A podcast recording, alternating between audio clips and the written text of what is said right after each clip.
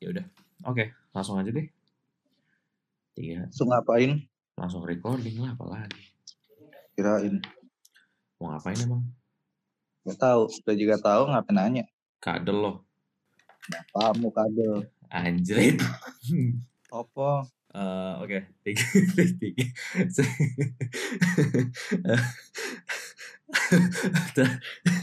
Oke, eh, eh, Kamu lu, lu kebanyakan kado. bentar aja. Diam lo anjing. Nah, oke, oke, oke, yuk, tiga, dua, satu.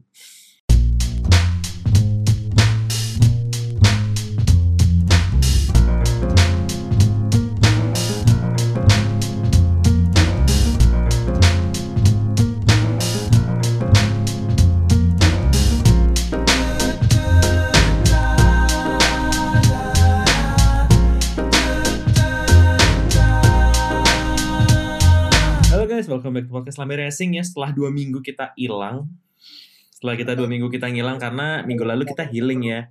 Kita perayaan 10.000 follower di Twitter. Racing, hore.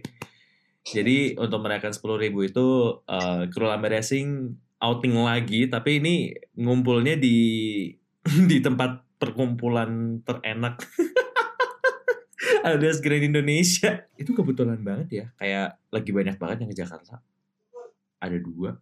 Terus kayak sih. iya Gua- kayak Apaan gue yang Jakarta lagi gak di Jakarta.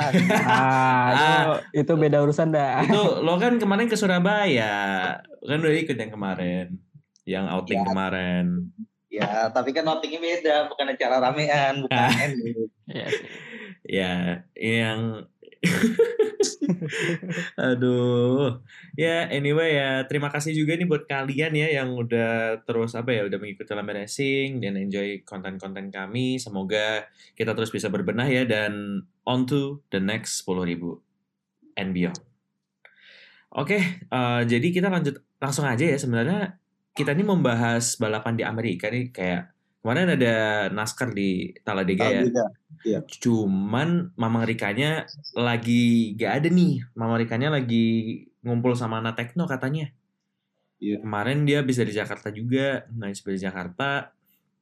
Ya udah terus tadi pas dikontak ah ternyata dia nggak bisa. Ya intinya ini nanti mungkin review dari Mama Rika akan diulas sama Mama mungkin lewat thread atau space terpisah ya. Jadi mohon maaf banget nih yang udah nungguin kalau misalkan ada yang nungguin di di podcast gitu ya. Well, mamangnya lagi berhalangan. So, kita lanjut aja berarti langsung ke roda 2 di mana kemarin nih lumayan heboh-heboh yang nggak begitu heboh ya. Heboh, heboh gak begitu heboh. Gimana tuh jadi? ya masih heboh, tapi ya gitu. Gak tau gimana nih, mungkin Krida bisa mengelaborate nih yang nonton kemarin roda 2-nya banyak banget ya. Mulai dari WSBK sampai ya Moto3, Moto2 dan MotoGP ada apa aja nih Krid?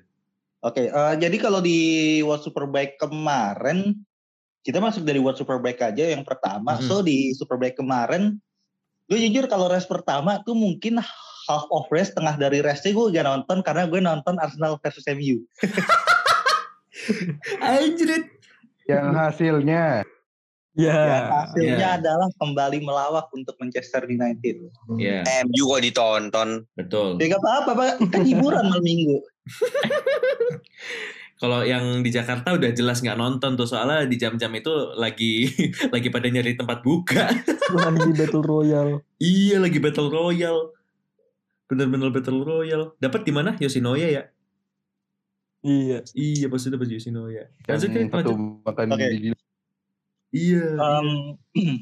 Ini jadi di race pertama, gue gue sempet nonton mungkin itu sebenarnya race juga lumayan menarik karena untuk mungkin bisa dibilang kayak kedua kalinya sepanjang the whole weekend kita bisa nonton pertarungan lagi dan lagi antara Yamaha, Kawasaki dan juga Ducati yang kali ini sama aja kayak race kemarin antara Bautista, Toprak dan juga Johnny Rea. Namun di race pertama sebenarnya Ducati sempat struggling ya klasik klasik lah masalah klasik Ducati kalau di Asen emang bukan track yang jadi keunggulan mereka sempat struggling Bautista di sini dan di awal-awal Hmm. Walaupun Real juga nyaman di depan tapi sempat diganggu oleh Toprak seperti biasa dan lumayan cukup oke penampilan dari Alex Lowe's di race pertama sebelum dia ada problem dan akhirnya terpaksa DNF. Lalu juga untuk Bautista patut diapresiasi penampilan kemarin walaupun agak kesusahan di awal tapi juga lumayan bagus sampai nyaris memberikan perlawanan untuk Jonathan Rea hingga akhir balapan walaupun ujung-ujungnya agak bisa menang. Dan di race pertama pun juga ini untuk beberapa kalinya kayaknya kita harus terbiasa lah untuk lihat podium World Superbike yang sama template-nya dengan Hamburg Fair karena isinya gak jauh-jauh dari Johnny Rea, Alvaro Bautista dan Jonathan Jonathan Rea dan Iya. juga Toprak antara Hmm. bertiga selalu itu itu aja Hmm. dan di race pertama yang dimenangkan Jonathan Rea ini juga mengukuhkan kalau dia ini belum habis dia belum wes walaupun Wah. sempat kalah sama Toprak di musim kemarin tapi di musim ini juga kelihatan ini orang masih berkelas beda lah sama yang di roda 4 yang udah wes tapi lalu. Eh, waduh, waduh. Waduh. Mana Fakta, men. tuh?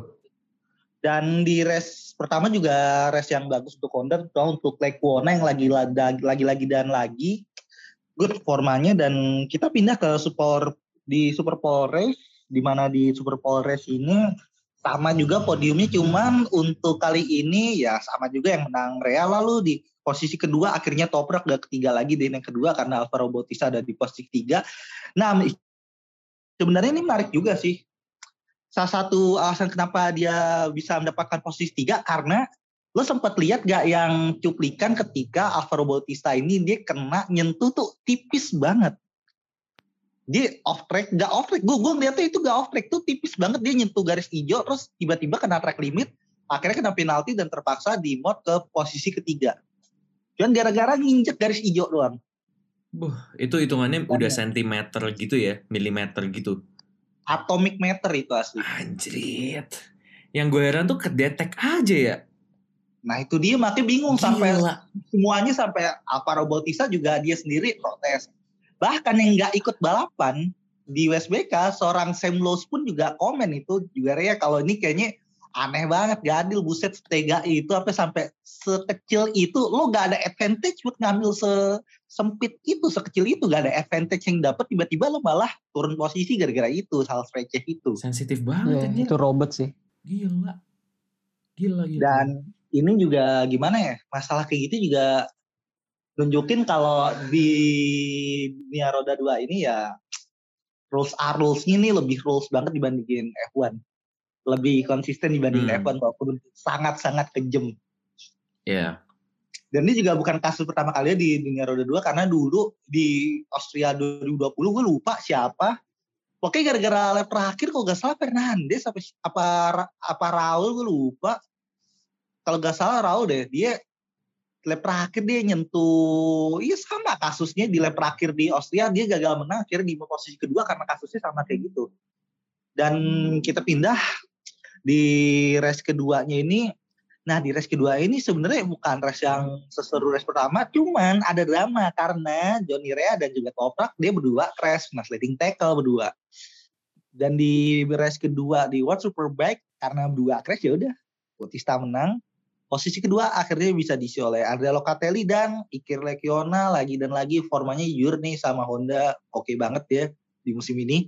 Dia dapat podium pertama. Anjir. Dan juga di race, di race kedua akhirnya kita bisa ngelihat ada Scott Redding di top 5 setelah sekian lama dia struggling sama motor BMW-nya. Hmm. Menarik. Talking about Scott Redding nih ya gimana ya?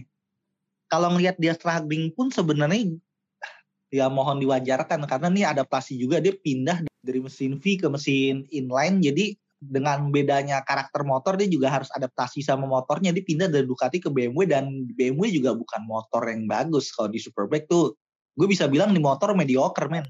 Waduh. Udah kayak MU aja tuh bisa- mediocre. ya MU mah bukan mediocre lagi tuh mah deh. Aib dunia kali.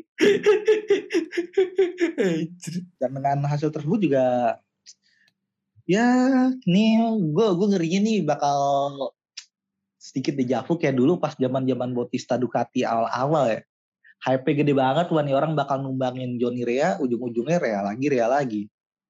Ya. Ya semoga aja ini bisa menjadi akhir yang bagus bagi Bautista dan juga Ducati dengan awal yang udah sebagus gini untuk mereka berdua setelah mereka berpisah dan akhirnya kita ketika mereka kembali reuninya so far berjalan lancar. Oke kita pindah ke MotoGP ya. Mungkin boleh dari ini ya, boleh dari Moto3 dulu nih. Kemarin Mario Aji stellar performance nih. Gimana nih? Aduh, gue mau gimana mau kritik juga sebenarnya nih mungkin kita langsung lihat dari forma dari kualifikasinya dia bagus dan start dari posisi dua kalau gak salah dan sayang sekali untuk di race-nya dia mundur teratur dan Ya, salah satu problem yang menjadi titik penting di sini adalah postur dan juga badannya dia.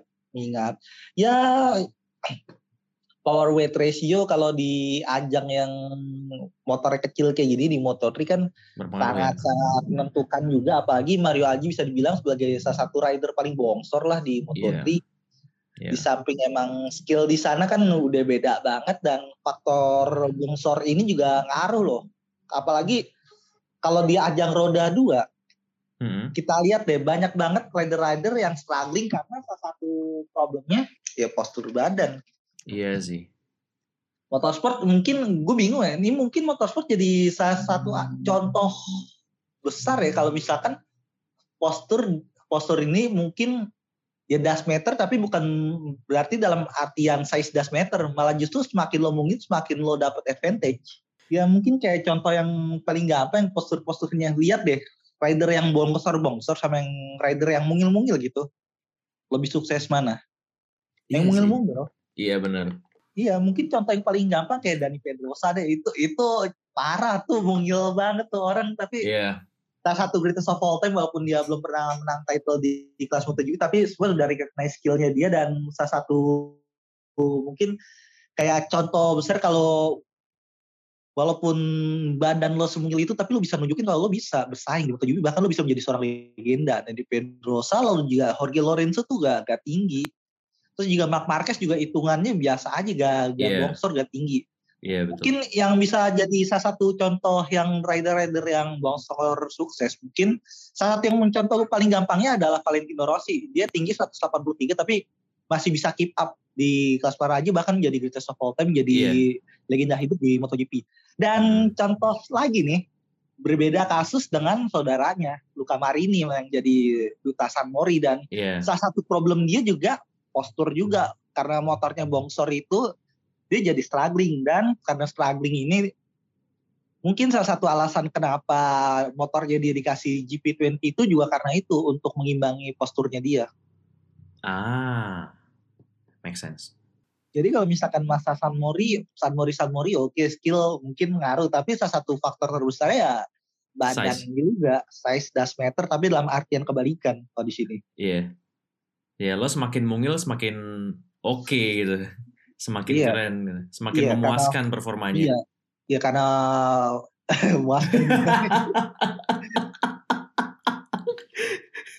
in terms of kebalikan ya kebalikan, Kebalikan. kebalikan. kebalikan tapi Kebalikan. ya gitu dan kalau di dunia di dunia roda empat juga mungkin yang contoh paling gampang seperti Yuki Tsunoda tuh walaupun mungil banget tapi dia yang salah satu dapat advantage Felipe Massa juga dia mungil banget tapi dia juga jago makanya liatinnya di F1 gitu mungkin kalau kita lihat yang agak ke zaman dulu tuh jarang banget kalau misalkan driver di atas Hmm. 180 tuh bagus-bagus tuh jarang. Mungkin salah satu contoh yang bagus mungkin ada Nico Hulkenberg. Kalau sekarang mah lumayan banyak sih ada George Russell Alex Albonnya 186 terus juga Ocon juga sekitaran segitu yang dia dia struggling di open wheel juga karena itu masalah seat si Ocon dan salah satu yang paling tinggi Justin Wilson 191 dan Sean Gelael tuh dia juga strugglingnya di sana tuh aslinya di open wheel karena masalah postur juga Iya sih, iya benar.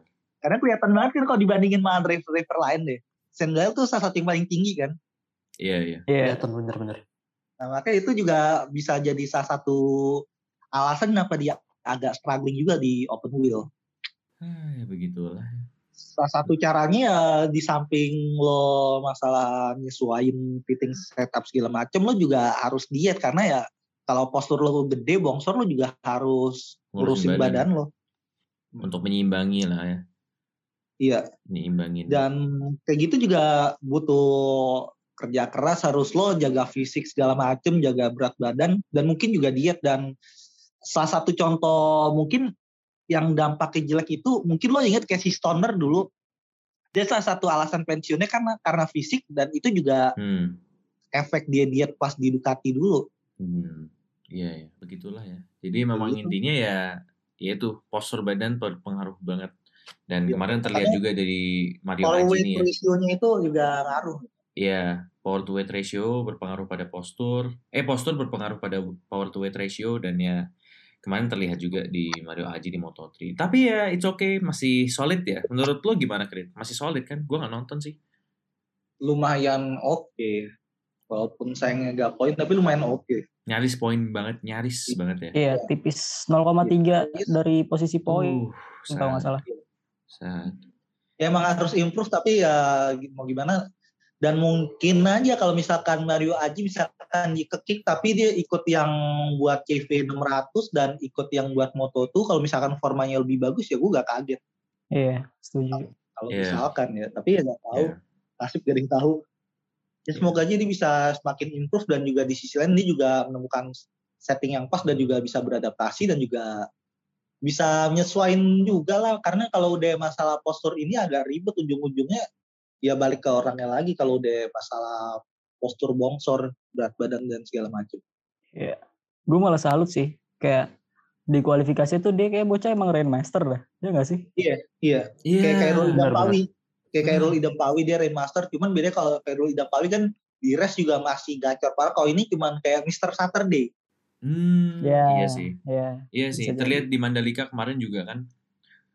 Dia dia memuaskan di hari Sabtu qualifying second row ya kalau nggak salah. Apa front row ya? Front row masih juara tiga Front deh, row dia ya. ke start ya? ketiga. Iya, di Mandalika ketiga di Mandalika terus kemarin kedua. Hmm. Ya begitulah ya. Ya mungkin mungkin segitu moto Moto3 biar kita langsung pindah nih ke Moto2 yang kemarin ada crashnya gede Oh iya, banget sebelum, nih. sebelum sebelum kita masuk race, Nah, itu gimana sempat ya? ramai nih di Moto2 karena ada Nikita Mirjani. Datang pedok. Nah, ini Datang ke ini pedok jalur ayang. ini ini Ngebucin. Waduh, apa nih? Apa nih info info info info? ini Delele perlu. Lambe Racing datang dia ke Portimao ke pedok. Datang dia ke Portimao kemarin dia ke pedoknya sama John Hopkins di bawah sama Ayang. Hihi. Kapan ya dibawa sama Ayang ke pedok? Ya harus lo harus ngedate sama orang berhubungan di pedok lah. Minimal yang punya tim kalau kayak gitu ya. Siapa tuh sampai Di- itu? Iya. Sophia Flores misalnya. Ya bisa. Hmm, ya Nah, bisa. ada nggak ya yang mau ngajakin ke pedok FA gitu? Maybe besok. Amin. Ke pedok EP ngapain? Batang semua sih. Eh, ada Susi Wolf. Jangan salah. Dari orang anjing. Pak. Ya, lanjut, lanjut. Ya udah berarti lanjut nih ke Big Crash-nya nih. Gimana kemarin? Oke. Yang Nah, jadi di kemarin big crash-nya itu terjadi karena di sekitar tikungan 2 sampai 3 tiba-tiba hujan dan banyak banget rider yang crash. Total ada 9 yang crash. Buset, berondongan gak tuh? Ya ada 9 yang crash. Gue gak bisa ngitungin satu-satu karena tuh rame banget 9 yang crash. Akhirnya 9 ini yang crash sebenarnya lebih apa yang kurang gue lupa. Cuman karena ada rules dan segala macam akhirnya total 9 yang nggak bisa ikut karena crash pas hujan. Akhirnya did not start dan akhirnya balapan di restart dengan sisa 7 lap. Chaos parah balapan kemarin sampai red flag dan juga ada motor yang kebakar. Karena senggolan kan itu. Ya itu horor sih. Senggolan. Kan udah Motor jatuh hantem motor. mo- Dian, iya motor mau motor motornya diantem. Hmm, maksudnya iya pas ada tiba-tiba ada yang crash lagi. Mm-mm, habis habis jatuh dis, kena motor lain gitu kan. Iya, di seruduk. Seruduk motor jatuh. Itu serem sih. Gila sih. Ogura itu kasihan banget gila dia ngindar-ngindarin motor kayak Ogura ngindar kita jokat terus itu jokat. Yang crash pertama si Aaron Canet kan di depan tuh kasihan juga dia nyantol itu dia. iya. Dia ngebuang ngimbangin malah nyantol dia. Akhirnya crash Ogura lempar belakangnya si itu juga banyak semuanya. Dan sayang sekali untuk di race kemarin Nikita Mirzani gak bisa lebih berbahagia karena walaupun start di posisi kedua si Bobbier malah crash salah satu yang ikut crash kemarin pas rame-rame di turn 2 banyak banget total ada 9 akhirnya di red flag dan lanjut sisa 7 lap. Dan di balapan kemarin akhirnya juga menjadi salah satu rekor juga terutama untuk pembalap paman Sam karena akhirnya Amerika punya race winner setelah terakhir kali di Asen Ben Spies 2011 apa 2012 gue lupa Ben Spies di Asen itu terakhir kali dan akhirnya setelah 10 tahun menantikan siapa pemenang selanjutnya akhirnya ada Joe Roberts yang jadi pemenang di kelas Moto2 kemarin dan Celestio Vinetti di posisi kedua bisa memperlebar jarak di klasemen mengingat para kompetitornya di perebutan klasemen saat ini pada nge-crash semua kemarin di tikungan dua. Dan di posisi tiga untuk podium ditutup pada Jorge Navarro. Iya balapan kemarin gila sih. Itu survival game ya itu mah. Iya. Yang finish aja cuma 15 kan? Iya yang finish cuma 15 itu pun juga beberapa ada yang crash ada yang struggling juga dan si Antonelli malah nge-crash deh pas di awal. Iya udah elit anjir udah enak dia malah crash seng banget loh padahal kesempatan gede buat dia dan akhirnya yang menang malah Joe Roberts. Oke kita pindah ke MotoGP ya mungkin di MotoGP gak ada yang Nah. heboh-heboh banget sih mungkin lebih ke drama crash-crashnya mungkin seperti mungkin crash yang sempat rame itu gara-gara Miller sliding tackle John Mir. John Mir dia habis crash langsung tepuk tangan tuh, sarkastik clap banget. Sebelum akhirnya ya, ya sempat hot head rame dan akhirnya minta maaf si Miller udah clear masalah. Terus juga untuk di balapan kemarin akhirnya Fabio Quartararo bisa menangkan balapan di race kali ini anteng banget di depan untouchable asli. Walaupun John Mir sempat dream start dia di awal sempat lead balapan akhirnya dia bisa mimpin balapan setelah terakhir kali dia meraihnya di musim 2020 bisa mimpin balapan bayangin seorang juara dunia gak pernah mimpin balapan di musim 2021 akhirnya dia bisa mimpin balapan di Portimao kemarin terus di balapan kemarin sebenarnya lebih ke pertarungan di midfieldnya yang rame gak jauh-jauh dari sekitarannya Alex Marquez ke belakang itu rame pertarungan di midfield Terus di race kemarin juga mungkin bisa kita apresiasi dan gue bisa masukin orang jadi mungkin kalau misalkan ada award untuk pembalap of the weekend gue masukin Alex Rins. Start dari posisi 23, finish di posisi keempat. Nah, Dan itu ketika- kayak kayak Marquez yang kemarin kan. Ya tapi ini lebih lebih gila, lebih gila anjir. Kalau Marquez startnya dari berapa? ya? Dari tengah. Cuman dia loncat ke belakang dulu kan gitu. Ya comeback doang. Kalau ini Hmm. benar dari awal comeback. Terus pas dia start, dia naik sekitar 10 posisi kalau nggak salah. Sekitar segitu. Pas start langsung naik 10 posisi kalau nggak salah. Wow, Gila men. gila men. Easy mode itu. Easy mode gak tuh? Ya kan kalau main yang MotoGP yang itu. Yang MotoGP terus easy, yang levelnya level easy gitu. Level easy terus, simu- terus simulation mode itu dimatiin. Arcade Iya. mode dinyalain. Buset MotoGP 08. Ada flashback gak sih kalau MotoGP? Ada kan? Ada, ada, ada, ada. Nah itu pakai flashback, flashbacknya unlimited. Wah ketahuan deh Turis pakai ya flashback tuh kayaknya. Waduh, fix nih.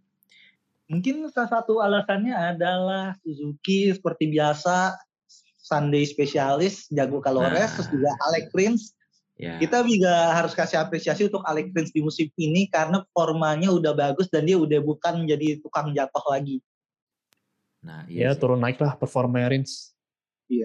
tapi masih bagus loh di, kalau dibandingin musim kemarin crash mulu konsisten jatuh dan setelah itu apa lagi ya oh ya di race kali ini untuk podiumnya selain Fabio Quartararo untuk posisi dua ada Juan Zarco dan juga Alex Espargaro yang lagi dan lagi nih. Bagus juga formanya walaupun padahal dia untuk pilihan bannya dia pakai bannya medium hard loh. Yang lain medium medium cuman dia sama Alex Marquez yang pakai medium hard. Dan Alex Espargaro walaupun dia ngaku dia mungkin salah milih ban karena dia pakai medium hard tapi dia masih bisa podium bisa dapat posisi tiga itu pun juga dia sebenarnya ada momentum untuk ngejar posisi duanya Zarko tapi dia gak mau ngambil risiko dia main aman untuk ngamanin podium. Dan setelah Hmm. menangan Fabio Quartararo kan pasti ada pertanyaan apakah Yamaha akan bangkit apa enggak? Gue gak yakin. Karena masih kelihatan dari formanya ya kita nggak bisa berharap dari forma si Dovizioso apalagi Darren Binder kita nggak bisa ngarapin dan juga Franco Morbidelli belum kembali ke form semestinya jadinya lu gak bisa bilang nih back on form tapi lebih ke Quartararo-nya aja yang jago Bahkan kalau kata Quartararo sendiri kayak Yamaha kayak masih biasa aja sebenarnya di Portimao kemarin. iya Kebetulan pas aja. doang gitu. Heeh. Cuman kebetulan hokinya lagi dapet sih. Di samping emang Fabio Quartararo-nya emang untouchable banget. Bahkan diakui oleh baik Juan Zarco dan juga Alexis Spargaro. Kalau si Quartararo depan nih, anjir nih orang untouchable banget. Udah gak bisa dikejar. Hmm. Jadi kalau misalkan dibilang Yamaha bangkit atau enggak, ya yang kemarin bagus cuman Fabio doang ya. Yang lainnya. Hmm. Bukan Yamaha bangkit sih. Quartararo bangkit ya bener itu. Iya benar, benar. Lebih ke Fabio Quartararo yang bangkit bukan Yamaha-nya. Ya begitulah ya. Ya. Terus ada apa lagi sih? Mungkin beberapa momen-momen yang mungkin agak receh seperti lagi dan lagi Takaki Nagagami. Gue gak ngerti sama nih orang kenapa kalau nge-crash selalu belok kiri. Iya ya, iya Iya, ya. Lo lihat ini dia highlight selama dia nge-crash di MotoGP. Dia jatuhnya ke kiri mulu, men. Belokan kiri dia crashnya Nah, di iya. situ. Iya anjir. Gue gak ngerti mari orang. Iya cuk. Heran. juga mungkin salah satu yang menarik di race kemarin di kualifikasi tuh sempet gimana agak nyesek juga buat Marquez karena dia udah merah di tiga sektor dan di tikungan terakhir tiba-tiba Paul Espargaro crash akhirnya terpaksa yellow flag dan dia akhirnya lap time-nya udah full malah di cancel karena yellow flag di tikungan terakhir Teammate, teammate yang beban dong. Iya. anjir. timet beban. Ya udah mungkin segitu aja untuk di kelas MotoGP dan Ya. untuk di MotoGP sendiri banyak perubahan dan kita menarik karena di next race bisa kita lihat di next race untuk di jadwalnya well agak bentrok ya sama FE ya tapi oh iya FE masih oh iya dia dia Sabtu deh aman-aman untuk Ya, aman. next race minggu depan di Heres Di Heres apa di Here? di Heres pak Kirain Here anjir. Buset, lo pengen diajakin kopdar lo. anjir. Boleh, Aduh. boleh lah ntar judulnya kopdar di Here besok. Iya. Tapi ntar, ini besok di Heres kira-kira gimana nih? Singkat Nggak aja tahu ya. sih. Nggak tahu ya, tapi kalau calonnya Quartararo lagi kalau gue bilang. Hmm, menarik. Siap di login nih. Ya gimana ya Quartararo lagi on form, terus juga Iya ini sih. tipikalnya bukan tipikal sirkuitnya Ducati dan Quartararo di sini kalau kita lihat dari beberapa musim sebelumnya juga bagus banget. Dia bahkan pole position pertamanya dia pas di Petronas SRT itu di Heres. Hmm. Oh yang Iya. tahun 2020 ya? 19 Eh, 19 sih bukan 20 ya? Oh, 20 menangnya, sorry, sorry. 20 menang dia first First win-nya, ya. Ya, ya begitulah ya. Mungkin kita langsung aja beralih ke Formula One ya. Di Italia nih, di Imola akhirnya bukber di Imola lagi. Finally, mau bilang hajatannya Alfa Tauri, cuman ya suasananya masih bulan puasa ya, jadi ini lebih ke bukber di Imola. bukber kok jam 8. Beda waktu Italia sama waktu sini. Berarti tahun, tahun depan lebaran berarti ya? Iya ya, tahun depan bisa aja lebaran, lebaran di Imola. Ya jadi Formula kembali lagi ke Imola ya, ke home turfnya. Ini lebih ke home turfnya Alfa Tauri nih, bukan home turfnya Ferrari kalau bisa dibilang nih. Karena memang pabriknya Alfa Tauri itu jaraknya deket banget sama Imola. Ini Iya. home ini home race-nya Alfa Tauri sih. Jadi kalau orang home bilang, race Alfa Tauri. iya, ini bukan home race Mungkin ibaratnya ini kayak misalkan home race-nya Rossi kalau misalkan dia balap di Misano. Iya, kayak Jaraknya, gitu. jaraknya cuma belasan kilo. Iya betul, betul, betul, betul, betul. Ya, dan di weekend kemarin juga diwarnai dengan hujan ya, banyak sekali hujannya sampai mengganggu feeder seriesnya. Itu mereka harus belajar dari Mandalika tuh, harusnya manggil Mbak Rara itu kayaknya. Kayaknya itu problem di sekitaran itu gak sih daerah Eropa mungkin yang daerah-daerah wilayah selatan. Soalnya emang lagi curah hujannya kalau Mm-mm. bulan bulan Mm-mm. akhir April tuh lumayan Benar, gede. Iya benar, benar, benar. Karena kemarin di Portimao juga hujan loh itu. Sampai Iya. salah satu alasan apa Portimao sempet ya agak chaos karena hujannya ini dan hujannya ini bikin banyak yang crash dan crashnya pun juga agak bahaya dan dengar-dengar nih katanya crashnya ini dibandingin sama Mandalika dan even better di Mandalika loh karena Waduh. di samping no grip dan segala macem race kemarin pas crash kemarin di free practice kalau nggak salah tuh gravelnya gak bisa nahan malah kayak ngebiarin motornya makin kenceng kelihatan pas crashnya si Pedro Acosta terus juga si Peko Bagnaia dia sampai dibawa ke medical center gara-gara crash dan sebelum crash yang dia dibawa ke medical center dia sempet crash sam- sampai dia kesel banget terus gravelnya dibawa buat tunjukin kayak ini batunya kok gede banget Anjir. Ya itu. bahaya Memang ini berarti event yang di Eropa kemarin ini memang harus banyak belajar dari Mandalika ya. Iya. Mulai dari gravel sampai lane manajemennya juga nih, cloud manajemennya nih. Ya, ber- berarti kelihatan kan walaupun Mandalika kelihatannya untuk kalau cuman tracknya doang nih kita bahas tracknya doang berkaitan Ya. sama balapan walaupun masih banyak yang bermasalah separah itu tapi at least ternyata di luar ada yang Betul. lebih bermasalah jauh lebih bermasalah. Betul. Betul. Jadi ya applause buat Mandalika. Kok malah applause buat Mandalika sih? Eh, berarti ini Portimao ketar-ketir beneran dong artinya nih. Ketar-ketir beneran nih. Ketir beneran. Imola juga ketar-ketir nih kemarin terutama di Jumat nih. Hampir dibatalin kan sesinya yang F1. F tuh dibatalin ya? Gue lupa deh. Ya itu. Atau pokoknya. dia malas ngikutin feeder series. Iya. Mulai Apa? Udah udah namanya udah asing-asing semua ya sekarang ya. Bukan bukan cuman asing gini ya. Lo nonton deh, lo bandingin sama sekitar 3 4 tahun yang lalu.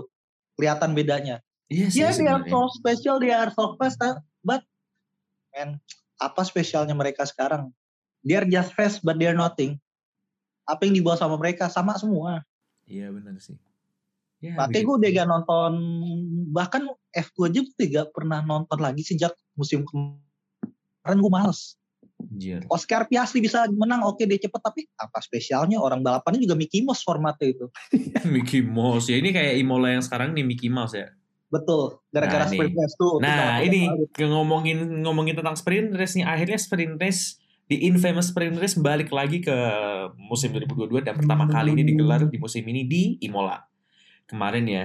Dan ya kebetulan pas itu gak ada yang nonton sprint sih soalnya Lagian juga ngapain nonton balap Mickey Mouse. Iya sih sebenarnya. Ini sebenarnya ntar gue malah jadi tanya nih. Kan kemarin katanya bilang oh regulasi baru ini kan banyak overtake. Wah ini berarti nanti di F1 Sprint akan banyak membantu nggak kayak tahun lalu gitu. Menurut lo gimana Krit nih sebagai fans berat nomor satu sprint race F1? Apakah Raih, membantu nomor regulasi satu. baru? Nomor satu, nomor satu, Raimu nyoblos nomor satu. Nomor satu dari belakang maksudnya kan. Kagak, nomor satu pas pemilu. Aduh. Aduh. Tapi ya in a serious note gimana nih? Apakah regulasi baru ini membantu F1 Sprint gitu? Kagak sama sekali. Nah, Gini ya, gini ya. Lo ngadain sprint race, apa yang membuat lo kepikiran ngadainnya malah di Imola? Iya itu gue juga heran sih kenapa di Apa Imola ya. motivasi lo anjir? Iya sih. Eropa perdana bisa jadi. God damn it, Eropa Perdana juga kenapa harus di Imola? Itu tracknya sangat tidak sprint banget enggak sih? I itu mean, bukan track yang tepat untuk sprint race karena di samping sempit kecuali di straight itu nah, tergantung one oriented overtake spot loh. Overtake Iya. spotnya cuma satu yang gede. Itu Iya pun sih, juga iya. masih butuh di RS. Iya, kocaknya lagi sepanjang balapan, hampir sepanjang balapan nggak ada di RS. Nah, Ya, itu, Makanya. Itu. makanya Udah gitu defense-nya goblok gampang banget. Itu Hmm. goblok banget asli. Makanya kalau kayak gitu malah makin valid. Kan lo nggak ada di Imola sama aja memvalidkan kalau sprint race itu is a bullshit pertololan duniawi terbesar di tahun 2020-an. gue seneng kerja yang ini. Ya gimana Ya ya. damn it, gue gue mending nonton European Super League dibandingin gue nonton Ini beneran aneh sih kalau ini. ini nggak tahu gue suka nih, gue suka nih. Hot take-nya gue suka. Tapi emang gue Ini, ini, gini gini gini gini. gimana gimana? Sprint race. Apa the purpose of sprint race? Sprint race purpose-nya tujuannya apa? Naikin banyakin action kan. Hmm. Kita lihat lagi actionnya apa sprint race? Gak ada. Di Yes, tahun kemarin di carry sama Alonso. Di Brazil yang katanya Hamilton show, kita juga tahu bisa jadi Hamilton show bukan karena Hamilton doang, tapi karena mercy-nya Hamilton kayak gimana. Mercy-nya Hamilton bagus, ditambah Hamiltonnya berusaha redemption kan sejak berbagai macam penalti yang dia terima. Ya, dan itu Hmm. bukan murni karena redemption karena kita udah tahu itu mercy-nya bukan mercy beneran mercy itu beda. Iya. Ganti PU. Mercy pula. ngawu-ngawu. Pilih kan. Iya. Mercy Ya. goib. Terus habis itu apa yang ditonton? Lo nonton deh di sprint race, gak ada apa-apa kan? Apa spesialnya? Gak ada. Alonso show dua kali, Hamilton Hmm. show terus habis itu apalagi di Mola kemarin gak ada apa-apaan. Oh Overtake, iya, ya Max overtake-nya Verstappen show Max- jadinya. Hmm. iya. Max Overtake-nya Verstappen pun juga tuh kayak enak banget overtake gak perlu tenaga, cuman ngandalin power unit dari RBPT sama DRS don kelar. Gak ada perlawanan berarti dari Charles Leclerc. Dah. apalagi di midfield ngantuk terus apa lagi mau pakai argumen apa lagi kalau misalkan mau pakai argumen yang tempat yang overtake enak lo lihat tahun kemarin di Monza itu pawai sprint race-nya cok Ya, min kualifikasi biasa aja udah kayak gitu. Ya lo tau sendiri kayak apa. Tapi dibikin sprint race Kualifikasi dikira solving the problem, taunya ya cuman mengalihkan ke problem baru. Iya. iya makanya gue gak pernah nganggep ini race invalid nih ini invalid race ini Mickey Mouse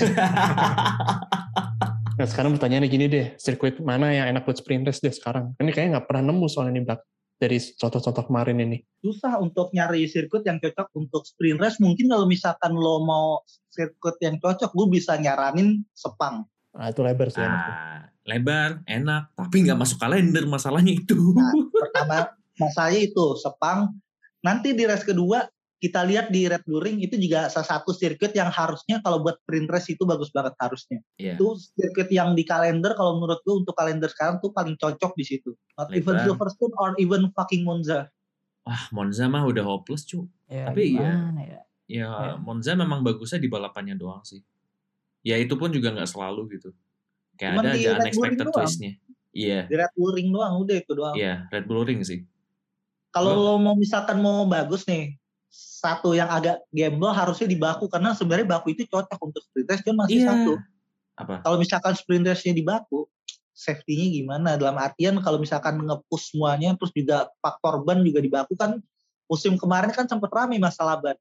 Iya benar-benar. Ya ini udahlah kita kalau ngemisuhin F1 sprint lama-lama nih judul episode bukan review Imola tapi nyambatin sprint nih. Dan kita udah pernah nyambatin sprint kan dulu di episode berapa gue lupa. Ya itulah. Kemarin di sprint race biasa aja ya, bahkan podiumnya juga podium aneh itu kayak iya tuh Lo lihat ya podiumnya. podiumnya itu tuh bukan kayak podium balapan, bukan game or even podium. podium game itu podiumnya kayak podium lo menang lomba cerdas cermat Iya, anjir. kecamatan. Iya. Cermat kecamatan. bener cerdas cermat dikasih Iya, emang. medali lagi.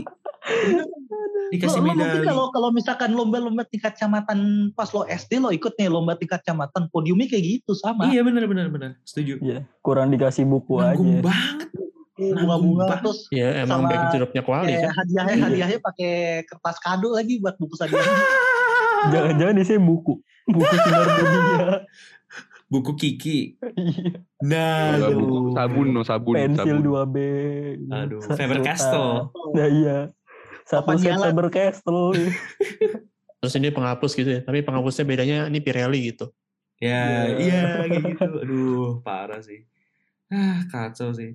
Udah ditambah gitu di balapannya nih kayaknya ini bukan harinya Ferrari nih. ya. Kemarin sangat-sangat bukan harinya Ferrari nih setelah Sainz keluar di lap pertama karena ditumbur sama Daniel Ricciardo disenggol. Gimana ini komentarnya nih? Gua gua menarik banget nih kayaknya. itu pure salah Ricciardo itu Iya, Setuju, setuju, setuju. iya. Ya kalau itu memang 1000% salah Ricciardo. dan gue masih mempertanyakan kewarasan dan mungkin apakah orang itu punya otak kalau misalkan dia masih belain Ricciardo untuk di insiden kemarin itu pure Iya. salah gue Iya.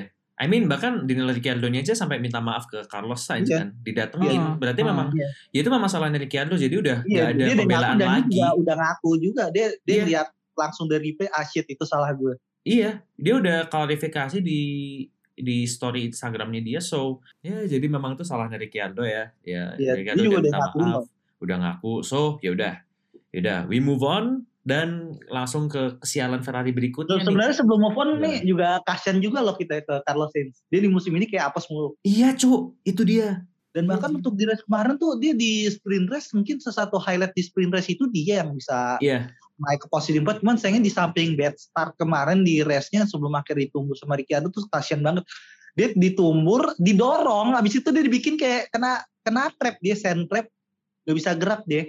Iya. Makanya dia DNF karena itu, iya. bukan karena damage dan segala macam. Iya, semua Uli masih bisa jalan, cuman kejebak aja udah di Iya. center. Iya, dia kejebak di trap dan dia juga bukan seorang Lewis Hamilton yang bisa dibebasin dari trap. Iya. So, ya itu bad luck banget sih. Gue jadi ragu nih kalau berikutnya Sainz bakal kayak gimana. Apakah Ini next Miami ya. Miami Iya. nggak ada Sainz kan?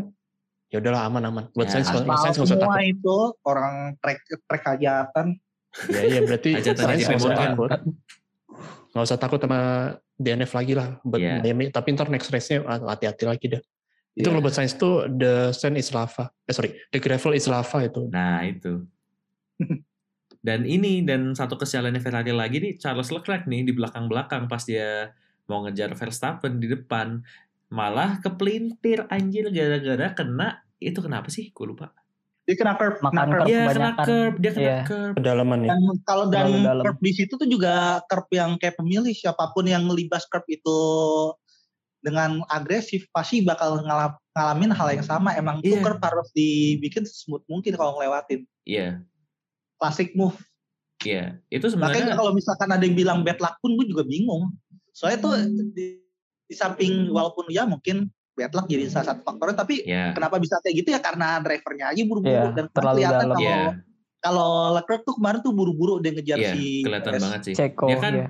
dia kan awalnya panen ini kan panen FL kan dia sebelum itu Hmm. kan dia panen FL terus FL FL FL nabrak klub akhirnya bruk dia. agresif dia ngambil curb. iya ya mistake lah ya kesalahannya Leclerc sendiri Iya. Dan mistake-nya mungkin nih kelihatan kayak rookie mistake sih. Soalnya ya gue baru mau bilang itu terakhir kali kita ngeliat itu tuh tahun Yuki kemarin Tsunoda. Yuki Tsunoda. Yuki Tsunoda mas masih jadi rookie Iya. nah ya tapi ya ya kalau gue bilang mungkin mungkin karena pressure-nya terlalu tinggi I mean ya itu secara tidak langsung walaupun itu balapan kandangnya Alfa Tauri kan tetap balapannya di Itali Itali Ferrari tifosi banyak I mean kemarin kita lihat sendiri tuh crowd tifosinya gila Tapi kalau misalkan Iya. pressure pun juga nih mas saya tipikal Charlotte Rock tuh. Nah. Untuk Crack under tiba-tiba di pressure ya? tengah race dia berbuat kayak gitu. crack under pressure ya Ya gue rasa iya sih under pressure sih kayak sih. Ngejar itu damage Nah, limitation. dia under pressure-nya mas saya pressure yang diberikan bukan oleh lawan tapi dari dianya sendiri. Iya sih iya, iya. ya terlalu itu banyak ngejar ya. himself ngejar damage limitation gak sih? Ngejar Ya, pintu gitu kan. Iya. Intinya Tapi lebih sebenarnya terlalu buru-buru dia. iya sih Iya. ya ya ya udahlah masih ada Monza tenang kalau mau perayaan tifosi masih ada Monza santai Kalau gak nabrak. kalau nggak nabrak kalau nggak kenapa-kenapa kalau nggak ditabrak gitu juga tuh penting banget Iya. tapi gini deh gini deh ini ada hubungannya nggak sih sama jinxnya Nico Rosberg soalnya Rosberg dari kemarin sangat memuji Ferrari Ya kalau misalkan Jinx Nico Rosberg tuh out of context dia udah king of the Jinx dan kita Iya. gak perlu ngomong itu lagi. Even dia sebenarnya udah nge-jinx diri sendiri loh. Men di 2017 dia pernah nge-tweet kalau misalkan F1 ngadain balapan di Las Vegas, dia balik balapan. Sampai sekarang mana? Vegas udah, ngum- udah ngumumin balik loh. Dia harus balik sekarang. beneran living meme dong. Iya Angel, jadi living meme. Ya begitulah ya. Terus beralih nih kita dari Ferrari dan kesialannya di Imola kemarin. Ini dengar-dengar ada yang ketahan nih. Ada yang P14 tapi bukan Jesse Lingard. Waduh. Waduh. 14 juga bukan Johan Cruyff. Nah itu Waduh. bukan Johan Cruyff. Apalagi Amerik Laporte. Sampai ke overlap Apalagi juga. Alonso karena Alonso di NF. Iya, iya Alonso DNF. Tapi talking buat Alonso itu juga dia bad luck juga loh di musim Iya, ini. Dia. DNF mulu di samping faktor mesin yang beleduk. Dan kemarin dia DNF-nya juga karena gara-gara cipokan maut dari Mickey Maker. Cipokan maut. Cipokan maut. Bener. dari- wajar. Dendam di Imola kan gitu. Setpotnya langsung jebol dong. Habis dicipok. iya anjir. Aduh. Dendam sama ya- bapaknya kali di molanya tuh.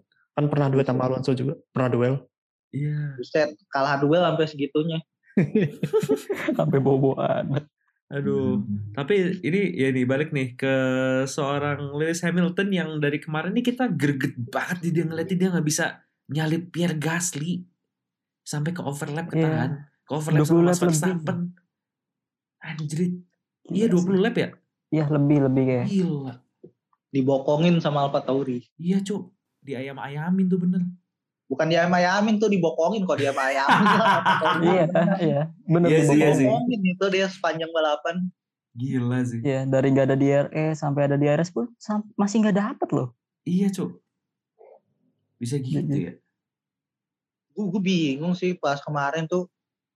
Hmm, Salah satu alasan apa Hamilton nggak bisa lewat tuh jelas banget karena DRS-nya ditahan-tahan. Gue Iya. masih bingung kenapa DRS-nya nggak dikeluarin selama itu. Nah, Kalau itu udah udah kering loh. emang Benar, gue jadi pengen tanya, emang kenapa sih kok lama banget dikeluarinnya? Ya, gak tahu race director yang sekarang sebenarnya iya, iya benar race director yang sekarang tuh tegas tegas iya cuman di balik ketegasannya masih tersimpan banyak kerandoman dan orang nggak bakal sadar akan itu Neil Wittich ya kemarin ya? Apa Eduardo? Neil Wittich kan Bukan masih? iya Oke, Iya, kayak. Neil Wittich. Tahi lah ditahan dan salah satu alasannya oke safety dan mungkin salah satu alasan safety-nya juga agak trauma gara-gara kejadian tahun kemarin gara-gara Russell Bottas. Oh, Jadi ya iya. masa sampai segitunya anjir. Iya sih. terlalu lama buat nahan dan jujur Imola kemarin ngantuk Parah, ngantuk parah. gue ganti channel loh itu gue ganti channel bos Iya bener, bener lebih worth Moto2 Cok. sih sebenarnya. Kalau mau ganti jujur. channel Gue kecewa yang- gue sama race kemarin makanya Imola tuh please hajatan Imola hashtagnya hapus ganti balap Mickey Mouse bukber, bukber. Pawai di Mola sih. Udah, beneran nah, literally itu- bukber apa anjing face. bukber kayak gitu kalau bukber ada vibe seneng-senengnya ini gak ada seneng-senengnya ini Nah, sama berarti bukan book berarti. balap Mickey Mouse itu udah Ya udah, oke. Ya kalau mau kalau mau Islam Islami ya itikaf lah kan tidur itu. Napak tilas. Napak tilas, ajrit. Tapi ntar, ntar. Ini balik lagi nih ke Hamilton yang ditahan-tahan sama Pierre Gasly nih. Sementara dia ditahan-tahan berpuluh-puluh lap nih, George Russell malah gacor dia bisa poin di P4 kan Oh iya, lock-lock spin ya. Lock-lock spin. Ya dia bisa dapat P4 gitu. Nah, ini gue jadi mau tanya nih, ini apakah efek dari drivernya? Apakah mobilnya lebih suit ke George Russell atau mobilnya memang jelek dua-duanya jadi mempengaruhi ke drivernya atau memang Hamilton memang pas lagi bad luck aja karena dia ketahan gitu. Ya, gak tahu banyak faktor mungkin semua Iya. faktor itu ngaruh Iya sih. Tapi kalau misalkan masalah skill harus didebatkan. Malah Nah. jadi adu mekanik media Inggris sih.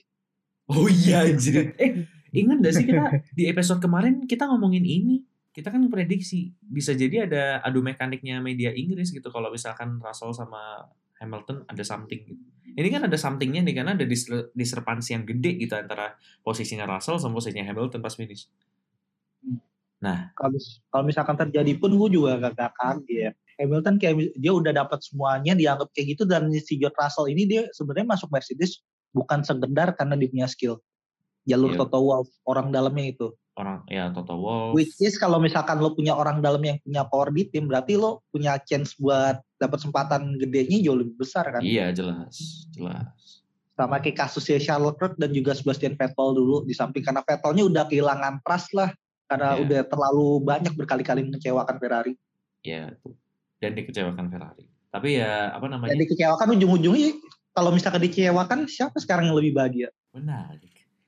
Tapi ya udah balik lagi berarti memang ini ya memang faktornya banyak yang ber- berhubungan gitu ya dari yang tadi disebut itu semuanya, ada gitu. Semua faktor dan salah satu faktornya gak sekedar cuman masalah bad luck tapi dia juga yang untuk di musim ini dia gak co- kayak dia struggling parah loh musim ini. Iya sih kalau dilihat. Ah, Kelihatan dari formnya dia di kualifikasi dia bahkan nggak lolos dan ini berarti Nah, udah- iya. back to back dia gak dapet poin loh. Iya juga ya. Pertama kali sejak kapan tuh? Iya. Ah lupa gue. 2009 kalau gak salah. Nah, Back to back gak dapet poin dan banyak yang pertanyakan kayak ini kayaknya udah habis. Ya kalau habis belum habis. Cuman kalau skill West mungkin iya. udah mulai wash ya. Dan Menuju ke wash. strugglingnya, iya strugglingnya Hamilton ini udah kelihatan banget. Bahkan di, even dia dapat podium di Bahrain pun juga ke podium giveaway itu. Iya, iya, iya. Yang di Bahrain giveaway parah sih. Iya. Gara-gara Struggling parah karena DNF. ya mau gimana ya. Dia struggling dari semua sisi. Even Mercedesnya bermasalah juga non doubt lah gak, gak bisa debat emang bermasalah itu Mercedes bukan benar. Mercedes biasanya Betul. satu yang bisa menjadi satu cara biar Hamilton dia bisa keep up selama balapan dia harus bikin starting bagus itu doang yang bisa bikin dia keep up selama ini. Iya.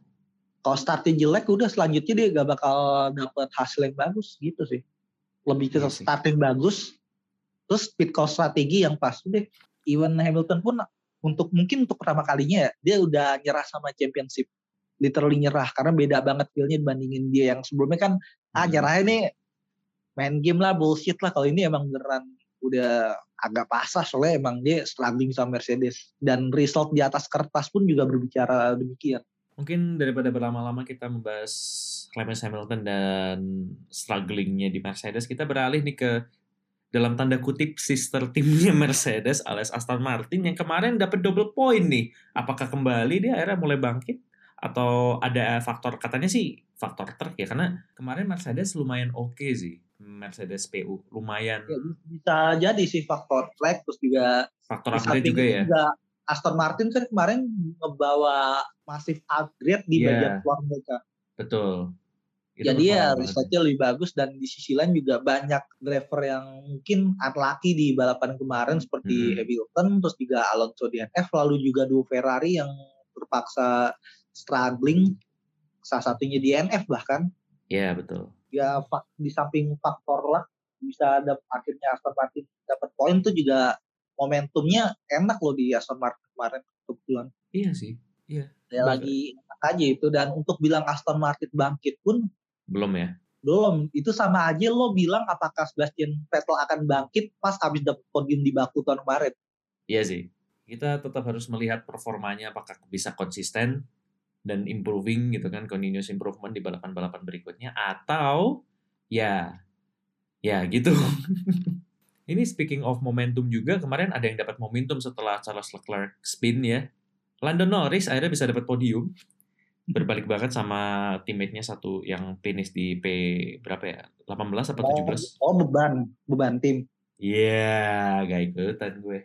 ya fakta Tapi emang iya sih. Maksudnya ya kalau Kan, di atas kertas yaudah. kelihatan banget sih. Iya. Tapi sama aja kayak kalau coach coach Justin kalau kalah ya udah kalah aja kalau ini udah kalau beban ya udah beban aja ya itu. Ya. Ya, ya fakta ya. Tapi ya memang ini kemarin dilihat Lando Norris sih beruntung banget ya. Iya. Tapi selain itu memang performanya McLaren nih all weekend ya whole weekend bagus bagus bagus bagus. ini. Bagus ya sayang ada gitu. update dan juga dia udah menemukan problemnya mereka akhirnya mereka bisa bisa keep up lah untuk di Iya. dua balapan terakhir Betul. Ini menarik nih kita lihat kalau misalkan walaupun mungkin salah satu alasan keep up juga karena faktor track sih kalau gue bilang Ah, iya itu bisa juga. Kalau track yang straightnya nggak nuntut lo untuk hasilkan power yang banyak di sini McLaren bisa sedikit bisa memberi power bagus loh Hmm, iya. dan di sisi lain juga faktor driver ngaruh banget karena Lando Iya, itu Norris ngaruh. di Imola dia selalu bagus Podium terus-terusan. Udah dua tahun terakhir podium. dua dua tahun terakhir podium dan di 2019 juga sebenarnya formanya oke juga loh di 2019. di 2020 Imola Hmm, 2020. Lando Norrisnya emang bagus dan untuk kenapa McLaren bagus ya semua faktor kayaknya nyatu dan terutama faktor luck itu yang menentukan kalau di kemarin karena mau gimana pun juga kenapa bisa podium karena Charles Leclerc tiba-tiba Betul. dia nyenggol Curb. curb kuning itu sih. Iya. Dan yang kemarin nih ada yang sempat ketar-ketir nih di lap terakhir terutama yang nontonin nih. Karena kita tahu sendiri dari balapan-balapan berikutnya Red Bull Powertrain nih senengannya ngebul di belakang-belakang kan. Tapi ternyata kemarin nggak ngebul akhirnya dan bisa one two. Finish one two di mana Max Verstappen menang ya. Max Verstappen menang diikuti Sergio Perez di belakangnya. One two pertama sejak Malaysia 2016 Dan terakhir kali mereka bisa bantu Lewis Lewis Hamilton gak dapat poin alias ya pas Nah, itu dia. itu ya Kebetulan. Oh no no no. Oh no no no moment tuh 2016 Malaysia. Mestinya ngebul.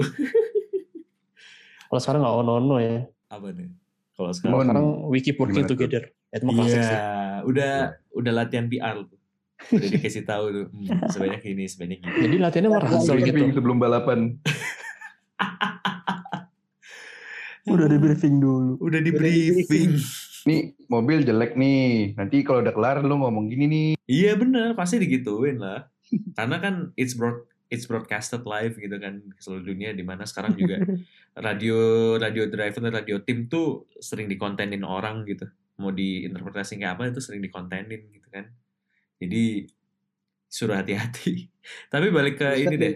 Tapi kayak balik Smackdown aja lo ngomong udah diatur anjir. Iya, iya sih, iya ya. Di skrip anjir.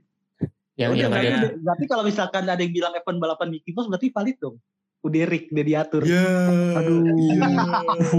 mal- malah makin bener Aduh, coba. Situ lagi.